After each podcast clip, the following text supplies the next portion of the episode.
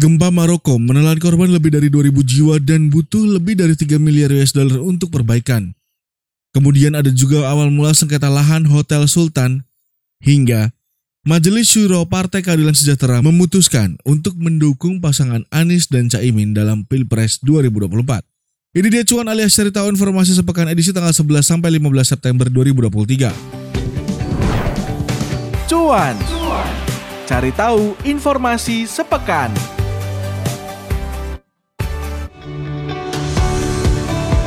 Berita pertama, gempa bumi yang mengguncang Maroko dengan magnitudo 6,8 pada pekan lalu setiap harinya menambah jumlah korban jiwa.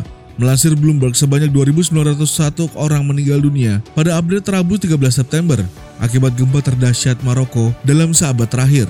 Tim gabungan masih terus melakukan pencarian korban di High Atlas yang menjadi pusat gempa. Warga yang berada di lokasi tersebut juga geram akibat lambatnya bantuan yang diterima mereka pada masa krisis tersebut.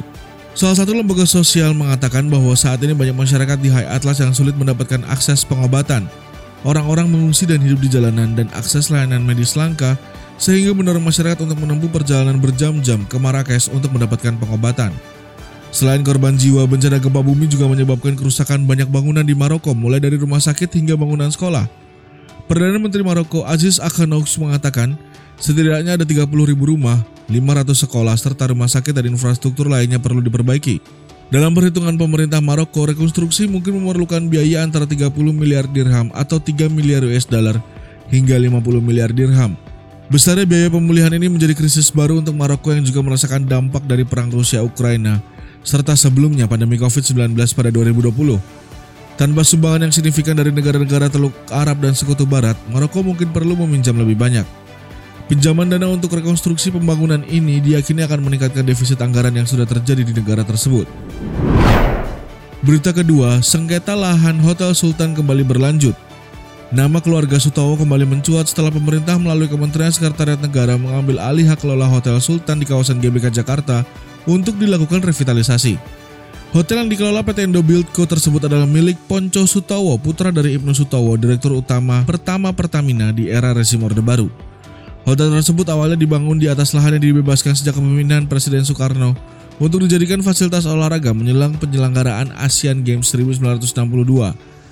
Kemudian perusahaan milik Ibnu Sutowo ditugaskan oleh pemerintah untuk membangun fasilitas tersebut dengan pemberian hak guna bangunan selama 30 tahun sejak 1973. Setelah masa HGB habis, lahan tersebut tak kunjung diserahkan oleh Ponco Sutowo kepada negara Bahkan perusahaannya sudah menunggak kontribusi royalti yang harusnya diberikan kepada negara selama 16 tahun. Pria dengan nama lengkap Ponco Nugro Susilo ini adalah putra Ibnu Sutowo, seorang tokoh militer di era pemerintahan Soeharto yang ditunjuk sebagai direktur utama pertamanya. Ponco berkecimpung di dunia bisnis dengan modal dari sang ayah yakni membangun galangan kapal yang bertujuan membangun industri maritim Indonesia. Ponco kemudian membangun Adiguna Shipyard, perusahaan yang membuat berbagai jenis kapal, dari kapal pantai hingga kapal berukuran besar. Melalui perusahaan kapal itu kekayaan Ponco mencapai 265 juta US dollar atau setara dengan 4,05 triliun rupiah pada 2018. Kemudian Ponco juga mulai masuk ke dunia perhotelan pada 1976 dan dia mengambil alih dan berperan membenahi permasalahan manajemen di Hotel Sultan pada 1982. Ponco juga aktif di berbagai organisasi bidang pariwisata di antaranya menjadi ketua Persatuan Hotel dan Restoran Indonesia pada 1989 sampai 2001 Ketua Bidang Jasa Pariwisata Indonesia pada periode 1994 hingga 2002, hingga Ketua Umum Badan Pimpinan Nasional Masyarakat Pariwisata Indonesia pada 2001. Ponco juga pernah menjadi anggota Organisasi Pariwisata Dunia dan dipercaya sebagai Presiden Asian Tourism Association. Berita ketiga, Partai Keadilan Sejahtera atau PKS selesai melakukan musyawarah Majelis Syuro ke-9 dengan agenda utama membahas bakal calon wakil presiden pada pemilu 2024 Jumat 15 September lalu. Dalam konferensi pers, Presiden PKS Ahmad Syaiqo menyampaikan hasil musyawarah Majelis Syuro dan dalam putusannya, Majelis Syuro PKS menetapkan Abdul Muhammad Iskandar atau Caimin sebagai bakal calon wakil presiden mendampingi Anies Baswedan pada pemilihan presiden 2024. Hasil musyawarah Majelis Syuro kali ini memperkuat hasil musyawarah sebelumnya yang telah menetapkan Anies Baswedan sebagai calon presiden pada Pilpres 2024. Syaiqo lantas mengatakan bahwa musyawarah Majelis Syuro ke-9 menjadi landasan PKS secara resmi mengusung Anies Muhaimin sebagai pasangan capres-cawapres pada Pilpres 2024 mendatang.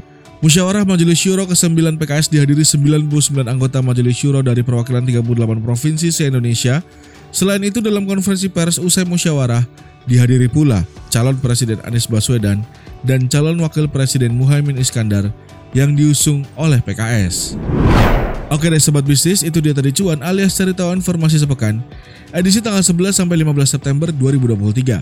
Jangan lupa buat dengerin terus podcast Bisnis Indonesia di broadcast lewat platform podcast kesayangan Anda.